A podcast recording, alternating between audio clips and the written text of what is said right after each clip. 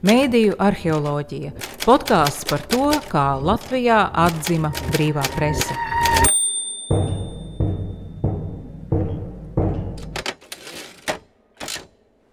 Sveicināti Satorī podkāstu studijā. Šodien ir Atis Klimovičs. Sveiks, Ati! Sveika, Rīta! Ar Ati es gribētu parunāt par kara žurnālistiku.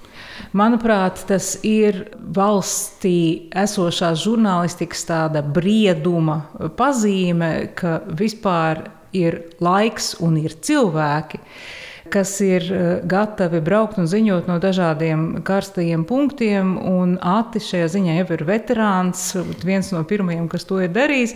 Un ātrā zemes... Drīz pensijā. Jā, nu jau, nu jau, nu jau.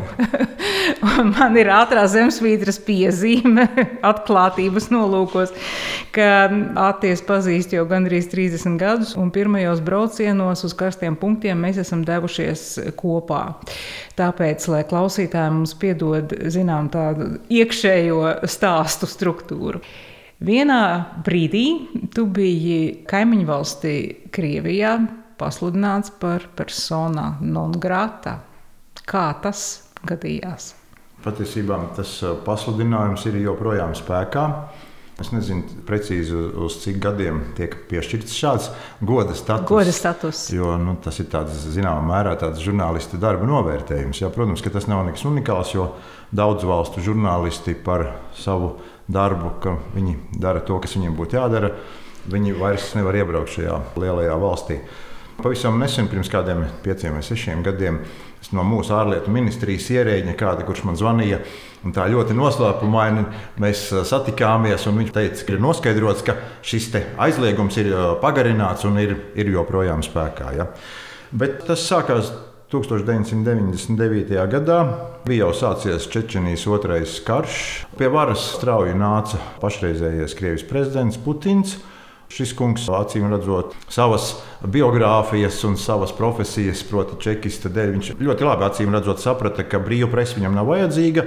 Arī ne tikai savas valsts brīva presa, bet arī ārzemnieki, kas brauc un, un tiešām raksta vai filmē vai runā par to, ko viņi redz. Pat bija tā, ka es atgriezos no Čečenijas, un it ar tas, vai vienkārši tas, es neatceros precīzi saucās, bija tāda ziņa ka Čečenijā grasās nolaupīt eh, dienas žurnālistu Atlimoviču. Tālāk, ko teiks, neatceros. Man pat laikam ir eh, šī ziņa izdrukātā veidā kaut kur mājās. Un kopš tā laika, jā, es vairs nevarēju nokļūt Krievijā. Bet vai tu pats to saisti ar kādu konkrētu publikāciju, vai tā bija tava darbība nu jau divos Čečenijas karos, ja, jo tu jau biji strādājis un ziņojis arī par pirmo? Jā, tas faktiski bija krājies jau ilgākā laikā. Jo Tā kārtība bija tāda. Braucot uz Krieviju un šeit ļoti vienkāršā veidā, ejot uz turismu firmu, iegādājoties iebraukšanas vīzu Krievijā, protams, es nenorādīju Groznija, jo, ja norādītu Groznija, es saņemtu atteikumu. Un ilgu laiku es rakstīju vienkārši, vai nu es braucu tikai uz Maskavu, vai teiksim, uz Minerāļņu vodi, vai kaut ko tamlīdzīgu, vai Astrahaņu. Un patiesībā nu, braucu tur, kur man jābrauc. Un tā, tādā veidā arī diezgan ilgi darbojos. Bet pēc tam, pēc šī 99. gada, kad bija šī mistiskā ziņa, es toreiz biju iecerējis braucienu uz Solovkiem. Tā ir tāda sala, kur ļoti daudz cilvēku gājuši bojā padomu laikā. Viens no gulaga objektiem. Bija tā, ka mēs jau bijām saņēmuši turismu firmā vīzas.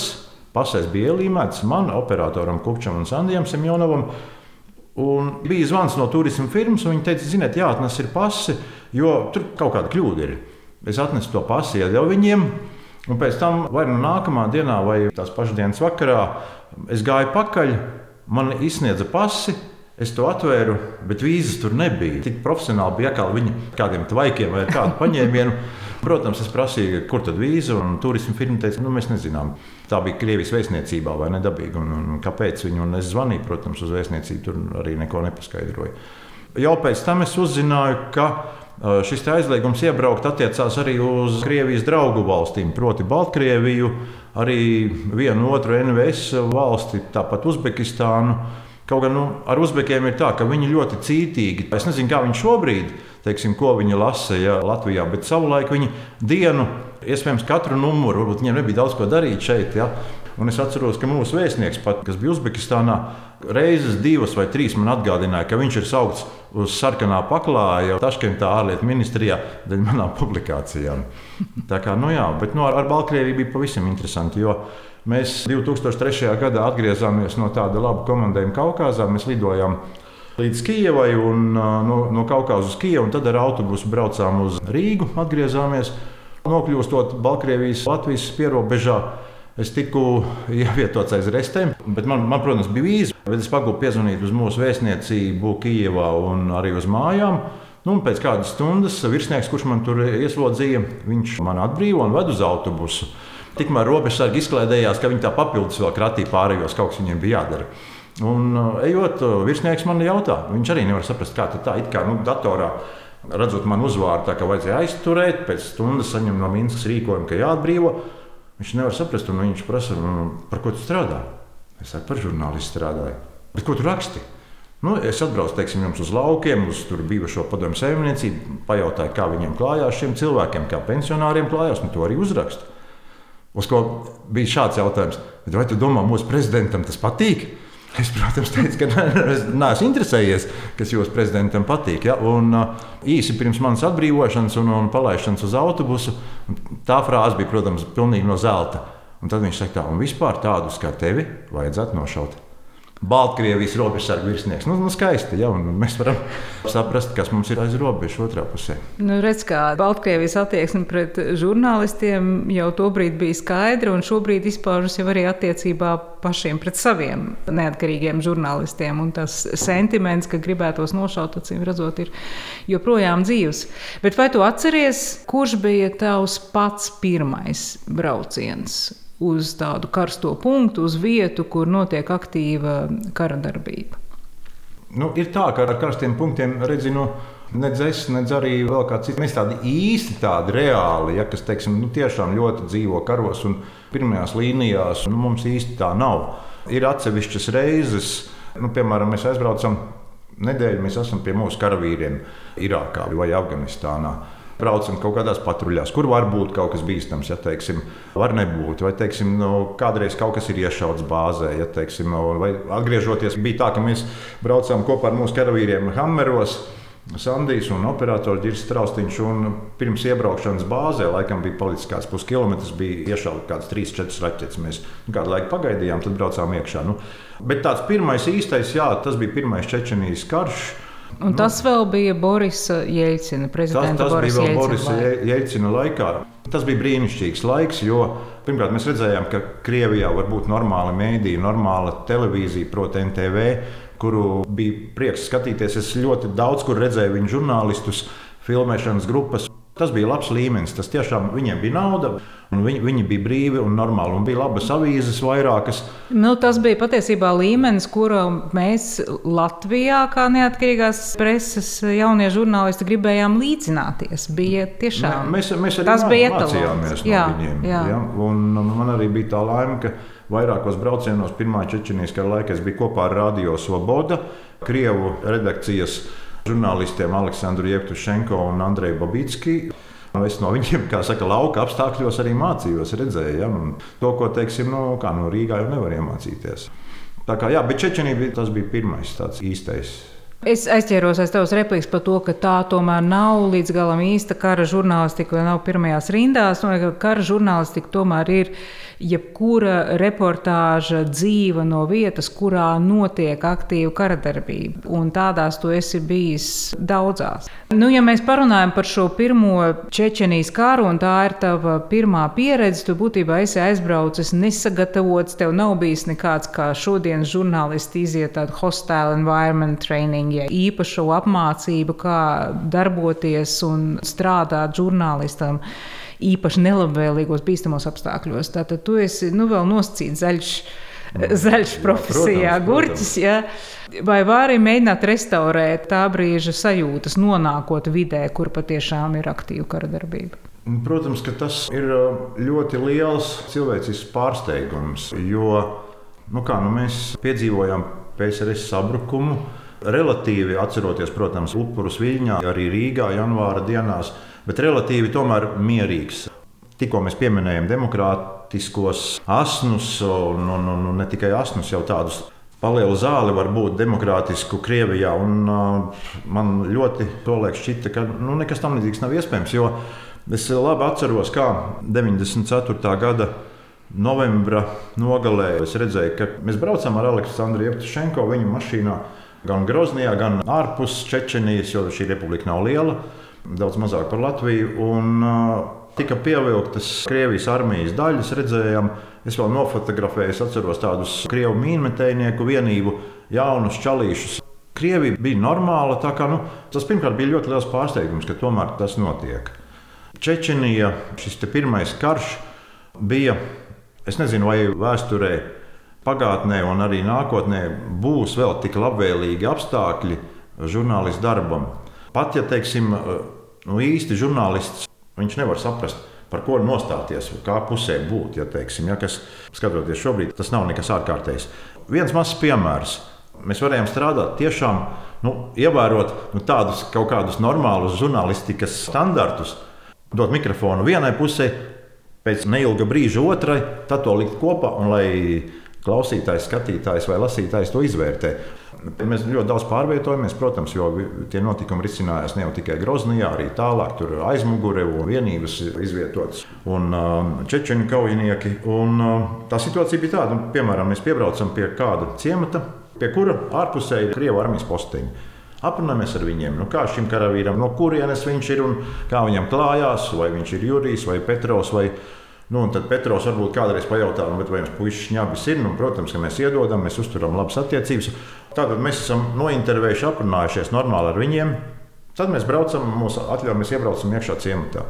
Ciematā mēs satiekam viņu pretiniekus, čečenu kaujinieks.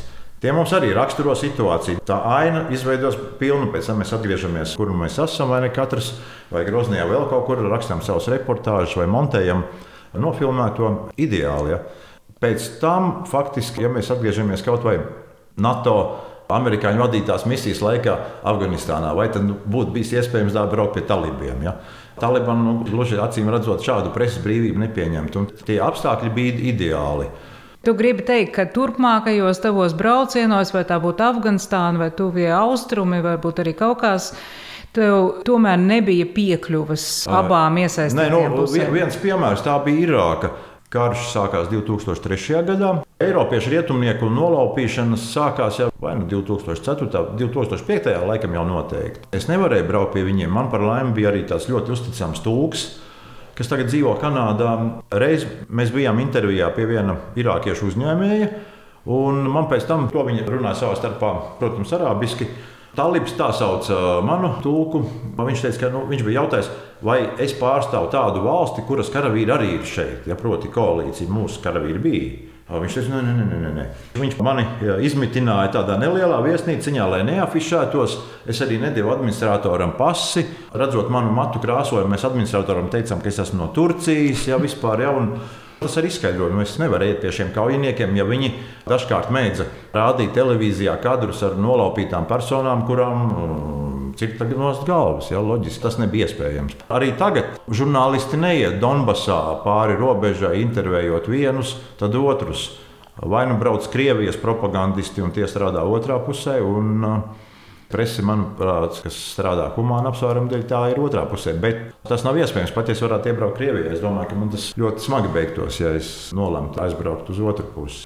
Cik svarīgi tev, kā žurnālistam, kurš šādās valstīs atbrauc, lai strādātu, ir pārzināt kaut kādas vietējās kultūras nianses, piemēram, teiksim, tuvajos austrumos, vienalga, vai kāds tas būtu vīrietis, noteikti jāpaspiež roka, un, teiksim, kaut kādi kaut vai ēšanas paradumi, saziņas paradumi un tam līdzīgi.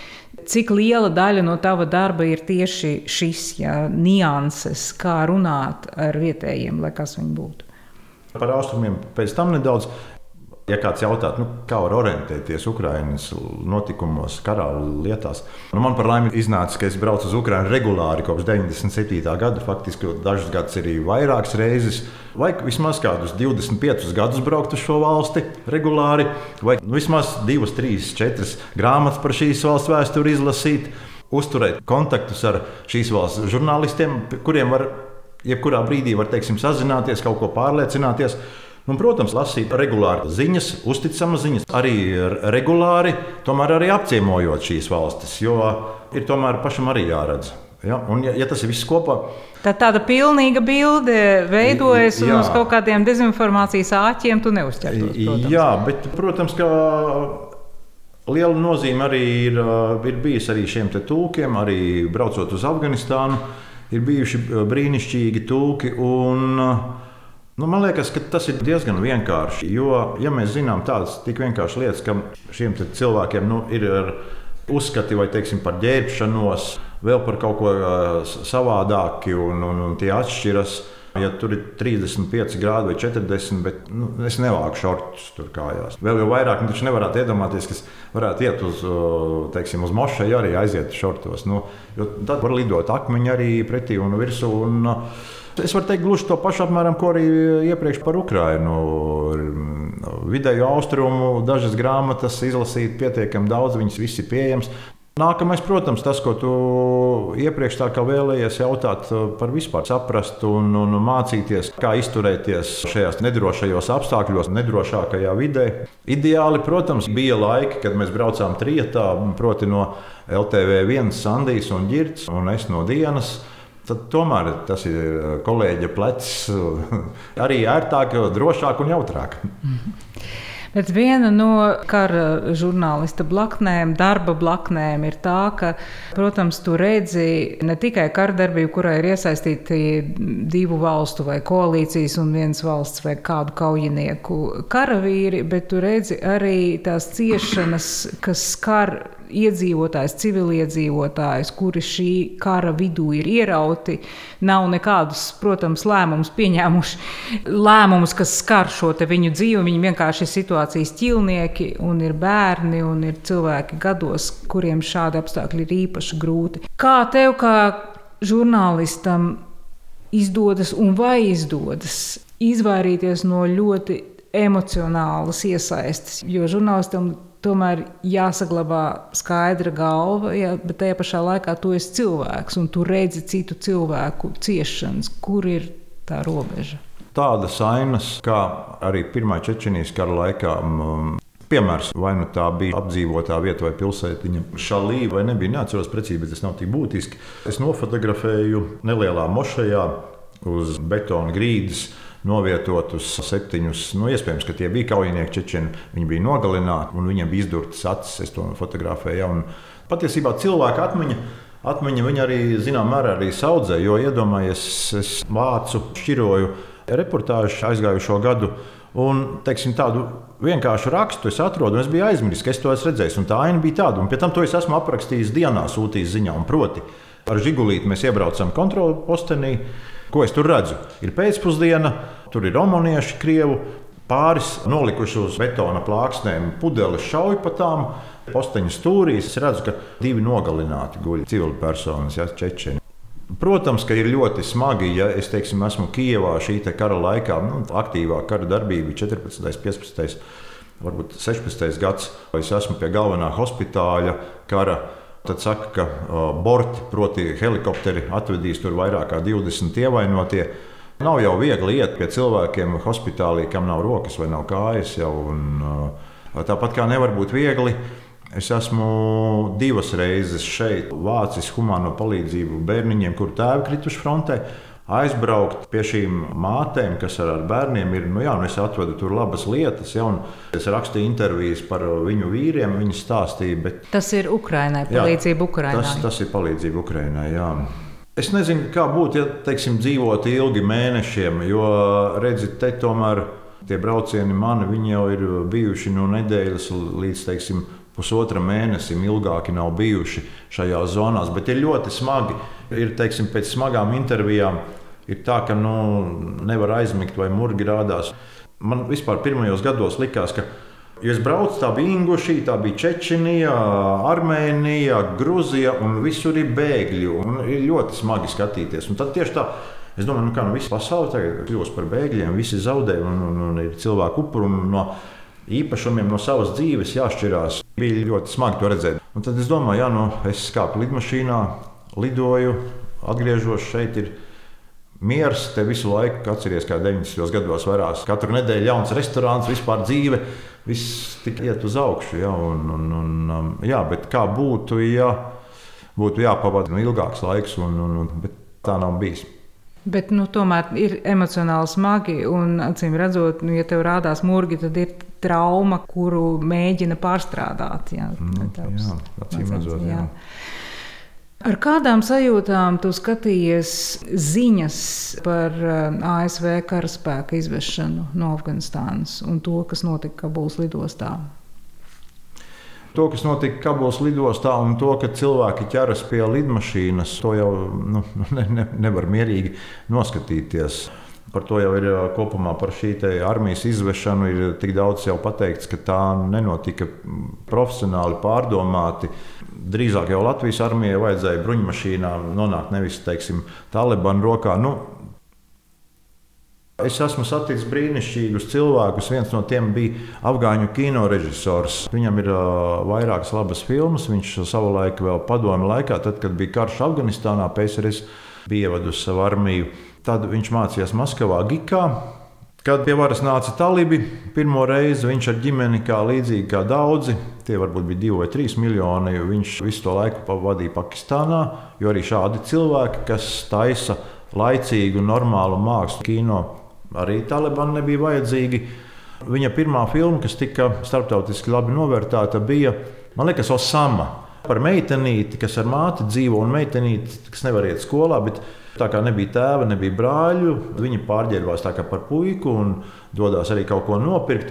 Un tas filmas fināls jau bija nu, ļoti traģisks, ka viņa tiek izdota pie vīra, pie tāda veca mūles ja, vai pavaca, kas mm -hmm. tur bija. Ja. Domājot par to, ja Taliban atjaunos tādu kārtību, kā tā bija, nu, tā nav laba kārtība. Nu, tomēr ir, neraugoties uz reliģiskām ticības atšķirībām, ir humānās lietas, Nu, tās ir pamatā. Tāpat kā sieviešu izglītība. Bija tāda brīnišķīga dokumentālā filma. Es aizmirsu, vai tā bija Dāņu kino režisori. Un es tieši pirms braukšanas reizes uz Afganistānu noskatījos. Tas filmas sižets bija tāds, ka tātad, tas bija pēc 2001. gada, kad Talibani gāsti. Un šī nu, Rietumē Eiropas kundze. Viņa ar tādu vieglu lidmašīniņu, viņa tādiem pārlidojumiem, un viņa nokļūst Afganistānā. Tur ir divas māsas, kas ir profesionālas helikopteru vadītājas, kas priekš Afganistānas arī ir kaut kas pietiekami unikāls. Bet tas unikālums bija iespējams tāpēc, ka viņu tēvs bija izglītots virsnieks, kurš acīm redzot, pateica, ka, ja meitas gribēs, un lai viņas mācās un dara to. Un šai filmā bija tā, ka ienāk jauns personāžs, proti, 10, 12 gadus veca meitenīte, kura zina par šīm pilotēm, un arī viņa grib reiz lidot. Un šī dāniete ar viņu satiekās un runā, ka jā, viss tu to darīsi, un tas tā būs. Un viņas kaut kad palido. Un Kaut kādā brīdī ir sarunāts, ka vēl viņām ir jāsatiekas un būs lidojums vai nu ar helikopteru, un neatnāk tā meitenīte. Un otra, trešā diena šeit viņas nav. Un tad viņi nokļūst mājās, un tur laikam viņa meitenīte nesatiek, bet laikam kaut kādu krusmāti, jo viņai laikam vecāku nebija, ir kaut kāds krustāvs. Un tas ir pateicis, nē, ka tā nav sieviešu lieta, tev ir uh, sieviešu nodarbošanās un nekas nebūs. Ja? Bet kas ir interesanti, ka viena no šīm māsām, helikopteru vadītājiem, es satiku nointervēju arī. No, nobildēju, tas bija šīs filmas iespējā. Ja? Tā kā, nu jā, bet skatoties uz to, ka pie varas nāk Taliban, kādu kārtību viņi izveidos, es domāju, ka sieviešu tiesības cietīs, un tas ir um, traki. Pašā beigās es gribētu lūgt īsi izstāstīt stāstu, kurš gan ir presē jau parādījies. Tev dzīvesbiedri Ines Zandere, man liekas, par to ir rakstījusi par latviešiem, kas uz balkona svin Jāņus un kā uz to reaģēja karavīri, bet vairāk es tagad nestāstīšu, tāpēc, ka stāsts ir tavs un es gribētu, lai mēs noslēgumā uz tādas vieglākas nots par kurioziem kara žurnālista dzīvēm. Tas bija 1999. gads. NATO uh, ir iegājusi Kosovā. Tur vēl arī pilnīgi nav pametušas Serbijas armijas. Pienāk Jāņu diena. Loģiski, ka mums tas ir jāatzīmē. Un, lai arī, protams, tādā teritorijā, kur ir norisinājusies kara darbība, Nevar zināt arī, kur teiksim, ir kādi spridzekļi sarakti ceļa malās, bet neraugoties uz to, tāpat no ceļa malas tur tādi nelielāki ozoliņi aug, sarauju šīs lapas vainagiem.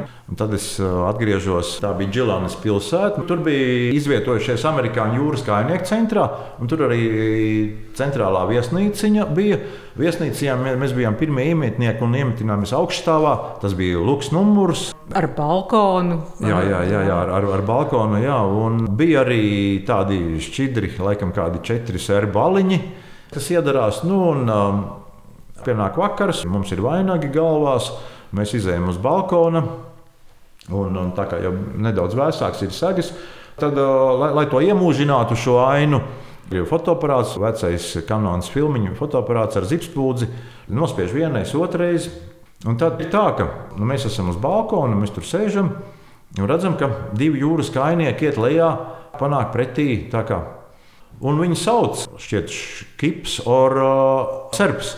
Ja, nu, Tātad albāņi vai serbi jūs esat. Jo mēs sakām, nē, nē, nē, mēs esam latviešu žurnālisti. Ja, viss kārtībā.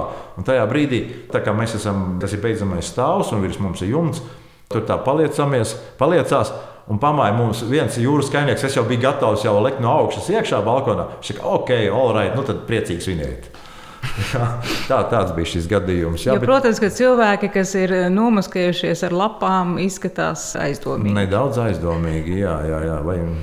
Tā situācija bija tāda, ka uh, helikopteri lidoja pilsētā nelielā augstumā vispār tajā laikā. Tas bija pats sākums. Jā, mēs braucām to laiku iekšā, lai arī es nedaudz nokavēju. Vēl brauc arī NATO valstu tanki, tieši es atceros Vācijas tankā iekšā Kosovā. Vēl arī braucot uz Brīstinu, arī tad centrā bija vēl Serbijas armija un arī nu, viņa tanku vienības vēl redzēja. Tā kā, nu, jā, Vai tu redzi šodienas Latvijas žurnālistikā kādu, nu, sauksim to par jauno cerību, kas varētu turpināt šos stāstus, aculiecinieku reportāžas no vietām, no kurām ir svarīgi ziņot, lai mēs zinātu? Nē, nu, es, es domāju, ka šie atbilstošie, talantīgie cilvēki ir. Cita lieta, vai mēs izprotam nozīmi tam, cik tas ir svarīgi. Tas kā tu acīm redzot, uzskati, ka mums vajadzētu būt, un tam ir pamats daudz vairāk klāt. Ne jau tāpēc, ka mums ir jāizjūt maksimālais adrenalīns, protams, ka to arī izjūt, bet acīm redzot, mums precīzāk jāzina, proti, LTV, radio, kas ir naudīgākie mēdīji, arī droši vien Delfi, tātad viņu lielākie konkurenti TVNet un divas nacionāla mēroga avīzes, kas vēl ir. Ja? Teiksim, tie ir tie šī lauka spēlētāji, kuriem to vajadzētu saprast, kādēļ tas jādara. Un ne jau vienmēr, pie tam tas arī nav tik viegli dažādu iemeslu dēļ, jo karā ir ierobežojumi. Un tādi pienāk, teiksim, šobrīd Donbassā. Ar to pilnīgi nepietiek, ja tu vari uzrādīt akreditāciju. Nu, tas ir stāsts par to, ka teiksim, tur ir nepieciešams īsta vēlēšanās kāpt iekšā pa logu, ja tevi nelaiž pa durvīm. Tas nav tā, ka sporta žurnālistiem es kādreiz pašā sākumā, kad man piedāvāja pāriet 93. gadā uz sporta nodaļu, jo es biju uzrakstījis par basketbolu nedaudz, kas ir mans mīļākais sporta veids. Bet es neizdarīju, man liekas, ka tas nav tik interesanti. Sportā ir ļoti vienkārši. Tu brauc uz Eiropas čempionātu, tev ir garantēta vieta pie datora, tur viss ir, ir internets, viss, viss ir kārtībā. Šeit tā nav. Es vasarā aizbraucu uz Donbasu, tiklīdz biju saņēmis arī otro poti, jā, šo pret-covid jā, es esmu pavadījis divas nedēļas, saņemu atbildi, vari braukt uz Donbasu pēc akreditācijas. Es lidoju uz Kijevu, braucu no Kijevas 700 km, satieku viņu štābā, dod man šo akreditāciju, saku paldies, un vispār kaut kādus mīļus vārdus pasaku. Un es saku, nu, jā, nu, saviem līdzbraucējiem, kas man ved, ne, mēs brauksim uz tādu un tādu brigādi. Virsnieks saka, nē, Nevarēsi braukt tā. Saka, nu, kā nu man jābrauc? Viņš saka, nē, nē, tev ir jāraksta iesniegums, uz kuru brigādi, ar kādu mašīnu, pa kādu maršrutu. Mēs to izskatīsim. Ja? Nu, labi, es, protams, to uzrakstu, bet es saprotu, ka tur nekas nenotiks. Ja? Un tad mēs braucam, es izdaru, vienalga mēs aizbraucam uz kaut kādiem ciematiem, trīs km vai cik no. Pat tuvāk no Doņetskas beidzamiem ciematiem, kādus karavīrus satiek, uzzina, ka tur šauj vai tur nešauj. Ja? Daudzas lietas var darīt, ja teiksim, ir šie nu, cilvēki ir iesaistīti, cilvēki ir cietuši visā Ukrajinā, kas ir arī 1200 km no rietumu Ukrainas. Viens laiks, es atceros, tas bija glabāja. Tas ir milzīgs notikums, un ciematā glabā kādu karavīru. Ja? Un tā ir tāda ceremonija, kad tas zārks tiek vests cauri, ja, un cilvēki ieliņas malā. Liela daļa uz, uz ceļiem nometušies. Runāt ar uh, atraitnēm vai hospitālē, ja teiksim, ja, nu, var tik daudz strādāt, teiksim, lai izrādītu un paustu savu attieksmi ja, un savu atbalstu. Un atbalsts šiem cilvēkiem ir ļoti vajadzīgs. Viņi to ļoti novērtē. Nobeigumā gribēju teikt, ka tad, kad es pieminēju Čečeniju un šos ideālos apstākļus, un cik tu vari būt neitrāls un objektīvs, nevajag baidīties ja, teiksim, un novērtēt situāciju. Ja mēs zinām, kas ir agresors un kas ir upuris, Ukrajinā. Nav nekāds grēks nostāties. Jā, bet, protams, rakstīt, nemelot, nekad nemelot. Tā tad eh, nemelot, nebaidīties un kāpt pa logu, ja nelaiž pa durvīm. Paldies Atim Klimavičam par Jā, sarunu. Paldies, Rīta! Podkāstu tapšanu finansē Mēdīju atbalsta fonds. Klausieties arī pārējos šīs sērijas podkāstus un lasiet rakstus Satorijā.